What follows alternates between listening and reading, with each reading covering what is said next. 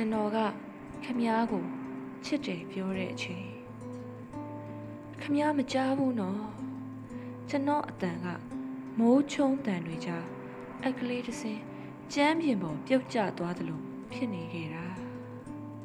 ခင်မကောင်းပါဘူးဆိုမှကျွန်တော်ကအချစ်အကြောင်းပြောရဲသေးတယ်ခမည်းလက်ချောင်းလေးတွေကသိလှတာပဲလို့ကျွန်တော်ပြောတော့ခမည်းက အလောင်းတွေတောင်ပြန်မရသေးဘူးသိလားဆိုပြီးမေးတယ်ကျွန်တော်ကခမည်းပြုံးရင်သိလှတာပဲဆိုတော့ခမည်းကငိုနေတဲ့ကလေးတွေနဲ့အဖိုးအဖွားတွေရဲ့မျက်ရည်တွေအကြောင်းတွေးနေခဲ့တယ်ကျွန်တော်ကခမည်းကိုရင်ခုန်နေတဲ့အချိန်ခမည်းကသူတို့အတွက်ရင်တွေပွဲလို့မိုးလင်းတိုင်း ခမည်းငိမ့်ချမ်းပေါ်ပါပါစေဆိုတော့ခမည်းစိတ်နှလုံးထဲမှာရွာတွေနဲ့အတူမီးလောင်နေတယ်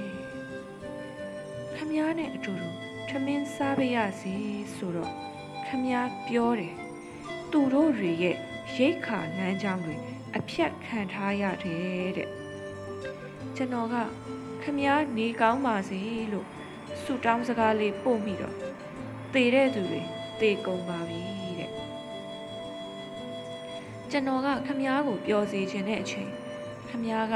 တတိုင်းပြည်လုံးကိုအငိုတိတ်စေခြင်းကျွန်တော်ကခမည်းကိုချစ်တယ်ပြောတဲ့အချိန်ခမည်းခွေးမိတ်စာတွေကိုမုန်းနေခဲ့တယ်ခမည်းမကြောက်ဘူးနော်